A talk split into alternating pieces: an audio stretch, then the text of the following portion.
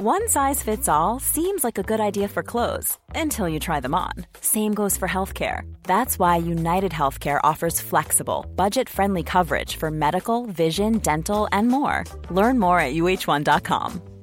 Many of us have those stubborn pounds that seem impossible to lose, no matter how good we eat or how hard we work out. My solution is PlushCare. PlushCare is a leading telehealth provider with doctors who are there for you day and night to partner with you in your weight loss journey. They can prescribe FDA-approved weight loss medications like Wagovi and Zepbound for those who qualify. Plus, they accept most insurance plans. To get started, visit plushcare.com slash weight loss. That's plushcare.com slash weight loss.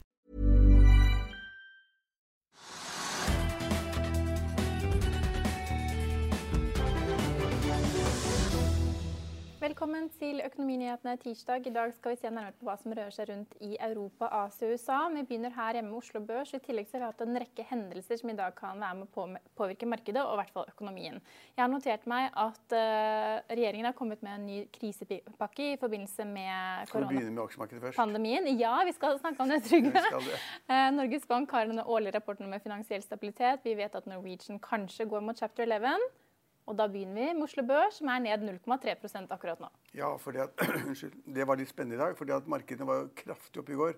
Så Oslo Børs var jo opp over 4% i går, altså 4,4% og de europeiske børsene gikk til himmels, og de amerikanske børsene gikk til himmels. Så det skyldes jo da nyheten om at det finnes, eller kanskje finnes, eller vil finnes, en, en vaksine mot uh. En vaksine. Og det var et seriøst selskap. Så kom de, de tingene, og de sa at vaksinen ville finnes i desember og enorme mengder, 50-100 millioner eh, forskjellige doser osv. Så, videre. så det var kjempepositivt. Og flyaksjene i verden gikk rett til himmels. Cruiseaksjene gikk rett til himmels. Hotellaksjene gikk rett til himmels. For folk, folk, ser for seg da at man får en vaksine. Og at, da folk, at de kan reise mer, leve ja, mer, bo mer på hotell? Først må regjeringene åpne opp litt, ikke sant? og så kan man begynne å reise litt. Men det, det tar jo tid. og Alle har regnet med at det vil ta veldig lang tid. Og i, var man, i går var man veldig optimistiske. Så nesten, nesten uansvarlig optimistiske. Og børsene gikk. Så i dag er det spennende å se hva som skjer. Vil, liksom, vil, man dagen etter finne ut at å, nyhetene var liksom ikke så gode likevel, eller det vil ta lengre tid, eller vi vil komme inn i, i 2022, eller hva som helst. Og så De europeiske børsene har vært ganske pent opp i dag, sånn halv prosent og 1 Oslo-børsen er som du sa, ned sånn rundt en kvart prosent. Og de amerikanske børsene åpner mikst. Det er bra. For liksom Etter en sånn oppgang som vi hadde i går, som er veldig sterk, så kunne man tenke seg at det var ganske mye sterkere korreksjoner ned igjen. At folk tok en profit kursene opp, tar en profit, stikker ut av markedet og tenker at vel, nå var jeg heldig som kom ut med veldig stigende kurser. Og Vi ser også da at cruiseaksjene i dag de er da ned liksom 3-4 for de var da liksom opp 10-15 i går. Uh, men markedet som helhet er liksom bitte litt ned i Norge, fortsetter oppover i Europa og er mixed i USA. Og det, ja, det er, egentlig, og det er egentlig bra for de som er i aksjemarkedet. Ja, og det er da, Siden du nevner USA, så er det da Nasdaq og SNP 500 som er ned i dag. For Dow Jones har sin sjette dag med oppgang. Ja. Men det, det, det, jeg synes det, er interessant, altså det store bildet er at det liksom er litt mikst. Men det er bra, for det, er ikke kommet noen sterke reaksjoner. Så fremdeles tror markedene på at det, det løftet vi hadde i går, det kan fortsette. Ja, og så da til noen av de større, større, hendelsene på Oslo Børs. Norwegian, som vi snakket masse om i går, i går som fikk da nei til eh, støtte fra regjeringen. Eh, de går det nå rykter om at kan komme til å søke chapter 11 allerede i løpet av neste uke. Hva tror du om det, Trygve? Det syns jeg er altså vanskelig å si om det blir chapter 11. Altså, det er en sånn veldig spesiell ordning som vi har i USA. En, en konkursbehandling som er mye enklere for så vidt da, enn det norske. For Hvis du har konkursbegjæring i Norge, så er du ferdig. Da kommer en bobestyrer inn, og så selger bobestyrer alle aktiva og gjør opp så mye han kan av de pengene han har fått inn, til da som er kreditor i selskapet. I chapter 11 så er det en litt annen. Du er liksom en, en domstol eller dommer. Han overtar kontrollen med selskapet, men du slipper å betale gjelden din. Du kan prøve å bli bedre på å drifte ting, selge ting, omorganisere, gjøre så godt du kan. Få et bedre selskap uten at du da blir tvunget til å liksom, du, du, bør, ikke betjene gjelden din. Dommeren sørger for det, at du kan arbeide i ro og fred. Og, og Det var da en artikkel i, i, Finansavisen i dag som da på en måte hadde eh, noen sitater fra folk som mente de kunne det, som sa da at de de ville ikke overraske dem om Norwegian i løpet av en uke feilet for chapter 11. Og da kan du si at eh, på norsk da, eh, at Norwegian er kommet inn i en sone hvor man snakker om konkurs, det tror jeg er riktig. Det var et sjokk tror jeg, for Norwegian-ledelsen at de fikk beskjed om det har sikkert hørt det før i går, da, men markedet og de offisielt fikk vite at staten ikke vil bruke mer penger på Norwegian. De har allerede gitt en garanti på 3 milliarder. Det er det ingen som snakker om. Og det er mye penger. Men eh, staten har da nå sagt at dere får ikke flere lån nå. Så dere vil heller ikke ha flere lån, for dere har 40 milliarder i lån. Eh, og vi kan ikke gi dere noen kontantpenger så dere kan drive videre. Og de har Norwegian-ledelsen har, har, nok åpenbart trodd at de skulle få penger kontant i en sånn stor bøtte, og så skulle de bruke den da frem til 2022 og komme seg igjennom da dette året og neste år inn i 2022. Og regjeringen sa blankt nei, og da var det liksom på en måte katastrofalt for Norwegian. Aksjen falt. Eh, og da kan man tenke seg at det er ingen annen utvei enn en, en, en, konkurs. Kanskje. Og så I tillegg så kommer jo selskapet med tall i dag. Men, men, poenget er at aksjene er opp 89 derfor det, det, altså Markedet var veldig negativt i går. Jeg tenkte at dette går rett i helvete. Uh, og så er det bitte lite håp. altså Jeg vet ikke om kursen ligger på 50-60 øre eller sånn. Norwegian ligger vel akkurat nå på ja, 58 øre. Ja, så, så markedet, markedet tenker, Det er alltid noen som trader, noen som tenker litt positivt og tenker at kanskje Norwegian klarer seg likevel. Men det er det, er, det, er ikke store ja, håp for. Men nå skal det jo sies at selskapet tapte 524 millioner i snitt per måned i det siste tredje ja, kvartal. De har gikk med et underskudd på 17,5 ja. millioner per dag. og nær 1,6 milliarder er borte siden før sommeren. Derfor, derfor, derfor, kunne man kanskje, kanskje være litt overrasket over at kursen gikk opp i dag. Ja. Når det kommer så skrekkelige tall. Men de som har greie på det, regner på det, og vi som har snakket om det nesten i hver sending i flere måneder, vi vet jo det at det ville komme dårlige tall. og Derfor så var det på en måte diskontert i kursene. så at Oppgangen i dag er en sånn eh, relief uh, respons i markedet på at det kanskje, kanskje ikke går til helvete likevel. Da treder vi litt på det. Men tallene i dag alene tilsier da at kursen skulle falle. Ja, og så har vi også fått en melding om at en av disse styremedlemmene, som heter Anton Joyner, som også er da risikodirektør etter leasingselskapet Aerocap i Irland, han vil tre ut av styret. Ikke fordi at han er i noen spesiell interessekonflikt nå, men han kan komme i det hvis ja, ja. det blir snakk om en slags redningsplan hvor man da skal verdsette hva flyene er verdt. Men det er en veldig, veldig, veldig dårlig signal som kommer at han går ut av styret. For det at han ville komme i en situasjon altså Han representerer da et av de store leasingselskapene som har skaffet fly til Norwegian og som hadde, og Norwegian skyldte masse penger. så måtte de da, de visste ikke hva de skulle gjøre med den gjelden, og så gjorde de det da på den måten at en del av den gjelden ble gjort om til aksjer. Slik at det leasingselskapet ble Norwegians største eller nest største aksjonær. Ja, De er vel 13,4 ja, Største eller nest største aksjonær. Dette visste jo han da han gikk inn i styret. For de var jo, det er et leasingselskap som leier ut fly. Og de visste at, Bråten, at Norwegian har fly. Og de visste at Norwegian lå elendig an, og at de andre aksjonærene ikke hadde penger. At han skulle komme inn og hjelpe det, det selskapet, det visste han om. menn. så, så, det der er bare tull. Eh, så det som er sannsynlig i saken, er at han er redd for en konkurs. Han er redd for sitt gode navn og rykte og hva som skjer. og Han blir dratt inn i en kjempeprosess hvor han da ikke ønsker å være. og Så trer han ut av styret. Da står han selvfølgelig også friere.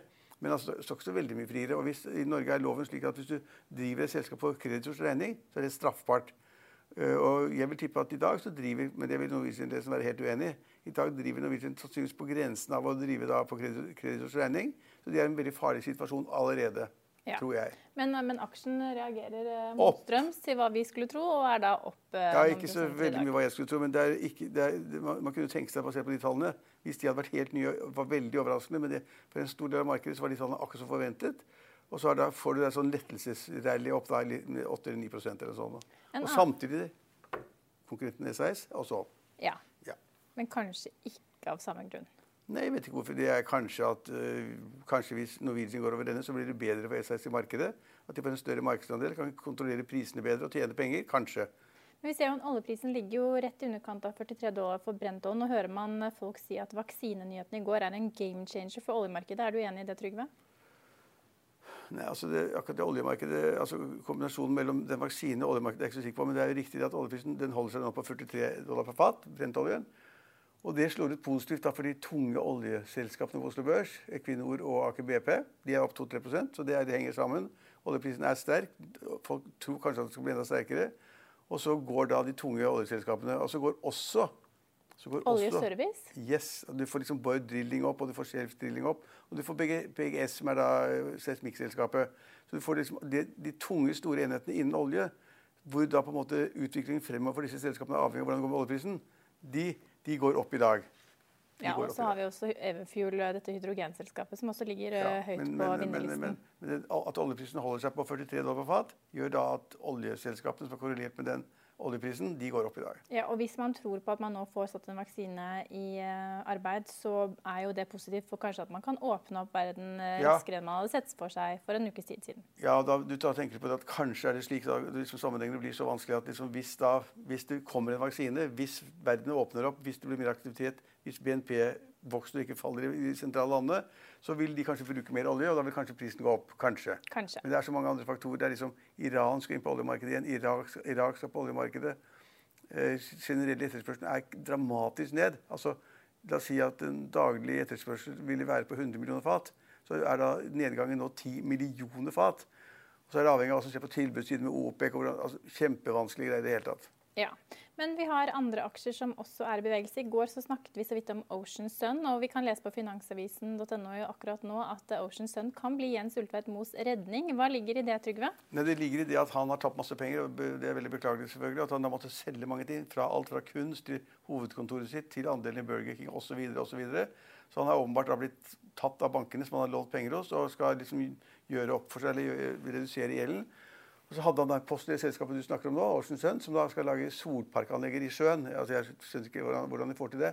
Og da var det en da, analytiker som sa til Finansavisen, det gjelder å følge med der, at den aksjen vil tidoble seg. Ja, det var Fanley Securities. Ja, i, i tidoble seg i årene fremover. Ja. Og da ville da posten til, posten til uh, Jens Ulfeldt det ville da øke fra et eller annet 50 millioner til 100 millioner til 700 millioner kroner. Ja, for akkurat nå så ligger vel aksjeposten eller ved utgangen av ja, rundt 150 millioner da, hvis Fearnley skulle treffe med sin analyse om tidobling. Ja, så skulle den være oppe i hvor ofte trekker, treffer du med Nei, I går så sa du det var svært spekulativt å si at en aksje skulle gå ti ganger, så Ja. vi får vel holde oss til det resonnementet i dag også. Ja. Yes. Så har vi regjeringen som vil selge seg ut av Aker eh, Kværner Holding og ber om um, å få avvikle eller selge aksjer i Akastor, Aker Solution, Aker Offshore Wind og Aker Carbon Capture. Ja, Det der er en lang historisk sak hvor eh, regjeringen da gikk inn i Kverner. Da det var snakk om at Røkke-systemet skulle selge liksom ak- Kverner-aksjene sine til da utlendinger, kinesere eller russere eller hva det måtte være. Det ble det ikke noe av. altså Da var det noen på Stortinget som, fant ut at man skulle la staten gå inn og kjøpe en post. Og sørge for at hvis staten eide en post i, i, i Kverner, så skulle da hovedkontoret bli liggende i Norge. Og det ville vært bra norsk selskap. Og nå kan ikke mer enn det du sier, at det har kommet melding om at staten da vil bare gå ut av de selskapene. og Det burde de gjøre altså De har ikke noe der å gjøre. Altså, staten har kjempeoljeinteresser i Equinor og da direkte eierskap i oljeindustrien i, i Nordsjøen. Så hva de skal surre med de aksjene for, i, i eller i Aker-systemet, det er ingen som har skjønt. De burde gått ut for lenge siden, og hvis de gjør det nå, så er det bra av regjeringen. Så har Bakkafrost eh, lagt frem tall for tredje kvartal i dag. De satt igjen med ca. 103 millioner danske kroner i operasjonelt driftsresultat mot 303 millioner i samme kvartal i fjor. Og det var ventede driftsresultat på 153 millioner danske kroner, og aksjen faller selvfølgelig Da tilbake da på nye. nyheten. faller aksjen, da faller aksjen, det er helt sikkert. Og en annen aksje som også faller, Adevinta. Der har vel en av aksjonærene, han Jan eh, Nagel Eriksen, solgt om lag 3,5 millioner aksjer i selskapet. Og Casher inn 500 millioner. ja, selskapet faller, nei, aksjen faller 4,6% akkurat nå. Ja, det, henger, det henger sammen, så det forstår vi jo. Magseis har også lagt frem kvartalstall. Stiger etter at den la frem tall som viste bedret eh, resultat og økt Men er ikke det et bitte, bitte lille mikroselskap? Alt skal ned, vet du. Nei, Er du øverst, ja, Da må vi også nevne hva som er øverst på taperlisten, Trygve. For der har vi Pexip. Og det var jo et sånt veldig hot selskap under første runde av korona. ikke sant? De skulle videokonferanse Men de har et system som virker. så det er slik at Alle kan gå inn på samme plattformen. Så hvis du da egentlig er på hangout, så kan du gå inn på Pex. Du kan gå inn der, kanskje. jeg vet ikke. Men iallfall så det, den faller litt. Grann. Det er fordi Ja, at og da, De kommer med tall litt senere i dag, og aksjen er vel ned akkurat nå 10% ja, det er fordi at da, nå skulle plutselig alle da Sier man da, men det er bare tull. Nå må man liksom over da, fra vekst til trygghet og gå. Nå må man inn i, i Storebrand, inn i DNB og inn i tunge oljeselskaper. Istedenfor å være da i tech-selskaper som da har funnet på noe nytt. Og Jeg har ikke prøvd det systemet, men de har da åpenbart gjort det veldig bra med videosystemer i denne tiden med korona, hvor nesten alle har hjemmekontor og jobber utenfor kontoret. Og da har det vært en vinner akkurat nå. Og så sier folk at nei, nå er det slutt på det. Nå er det bare verdier som teller igjen. Ja, Ja, men da kan vi kanskje over, hoppe litt over til verdier. fordi Regjeringen har lagt frem ny koronakrisepakke i dag. gjør at oljepengebruken øker med 17,7 milliarder kroner. Men noen mener likevel at det er en spak krisepakke vi får. ja, det, er, det er vanskelig å si. Altså, jeg syns regjeringen har vært ganske gode fra mars-april. De har sprøytet penger inn i norsk næringsliv. Man har fått liksom kontantstøtte og næringsstøtte og lån og garantier opp og ned. Og de satte, satte av så mye penger at næringslivet brukte bare en brøkdel av det. Det var ikke i nærheten å bruke de kvotene som regjeringen kom med i begynnelsen av året. Og så har de da, nå, er, nå har de liksom bølge to, og nå er det nye problemer i reiselivsnæringen selvfølgelig. Og, all, og det strammer til på alle områder. og liksom Hoteller stenger ned, og restauranter, restauranter teller ned. Reiselivsnæringen er deep shit.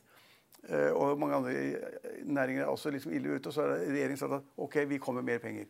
Og Det syns jeg er ganske imponerende. De kommer raskt med nye penger. og De sier nå at det kommer med 17 milliarder kroner til. Men av de 17 milliardene, så vidt jeg har sett at dette kommer i ettermiddag, eh, så går mesteparten til da kommuner og fylkeskommuner. Ikke til det private næringsliv, men det private næringsliv får også til en pene del av dette her.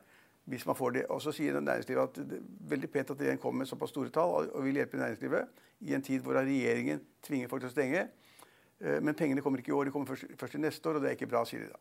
Ja. For ikke alle er fornøyd. De sier at OK, systemet, kanskje er beløpet riktig, men vi får ikke pengene i år, og vi orker ikke vente neste år. Og da, da, svarer da, da, svarer da næringsministeren at uh, det skjønner jeg. Hun er Iselin Nyve, det skjønner jeg. Så de kan, hvis de har problemer med penger nå, likviditet er jo viktig ja, er, Du må ha penger til å betale regningene dine. Og da sier hun at da får dere gå til deres normale bank, bankforbindelse, og så får dere da gå til oss etterpå. Så har vi også fått Norges Bank som presenterte sin årlige rapport om finansiell stabilitet. De er eh, ikke uventet urolig for eh, den høye gjeldsveksten og de høye boligprisene. Og så er de selvfølgelig avventende til hva runde to med korona vil bety for økonomien. Men her kom det, det var en god oppsummering. Da trenger du ikke meg. Altså, det var, det, nei, det var en god oppsummering. Poenget er at de har kommet av med en sånn rapport, som er en dyp, stor, tung sak som man skal lese. Men hovedtrekkene i den er som du sier, at det er, altså, husholdningene har mye gjeld i Norge. Det vet man jo. Og, og, og, boligprisene har steget masse. Det vet man jo. Og det, og det falt litt tilbake, og nå stiger boligprisene bare rakkeren. Noen tror at boligprisene til neste år vil stige med 20% altså, eller mer. Og det gjorde, det gjorde, de i 2016. Da steg boligprisene i Oslo med 23 vi, Sannsynligvis ender vi ikke der, men boligprisene er på vei oppover. Så liksom høy gjeldsgrad, boligprisene stiger, alt er usikkert, bla, bla, bla.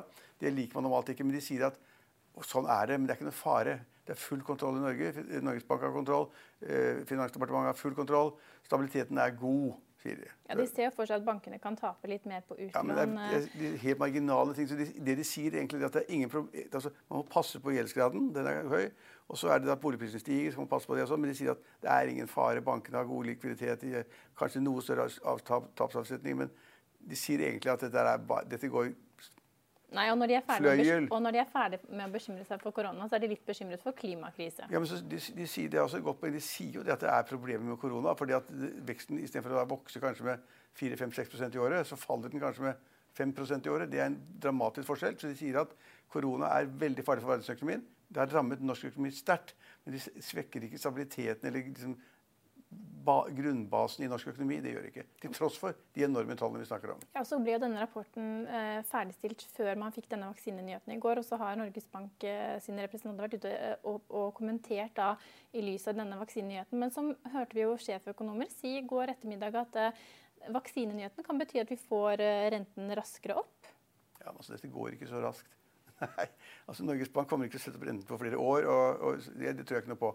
Men, men, det er en lettelse. Altså, hvis det blir en vaksine som da redder verden Du må ta den to ganger, eller sånn, og du skal liksom sende den ut til de, Det er syv milliarder mennesker i verden, er det ikke det?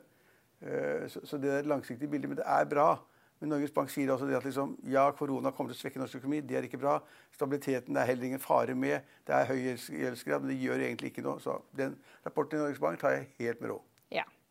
Så skal vi til Asia, hvor man også så oppgang i morgentimene tirsdag. Ikke like stor som vi så i går. Japan endte Nikki 225 opp 0,3 mens den brede Topix la på seg 1,1 Hang Seng i Hongkong endte også opp 1,1% mens CSI 300 i Kina steg 0,6% Vi skal videre til Wall Street, hvor det er noe blandet stemning akkurat nå. Dow Jones faller tilbake 0,4 stiger 0,4% mens Nasdaq er ned 1,1 i morgendagens Finansavisen kan du lese Trygve Hegnars leder om Solar Plexus hos Jakob Schram at eh, Pasientsky har hentet 500 millioner og bruker 280 av dem på oppkjøp, og at Dokke Fasteners flagger ut etter horrible tap.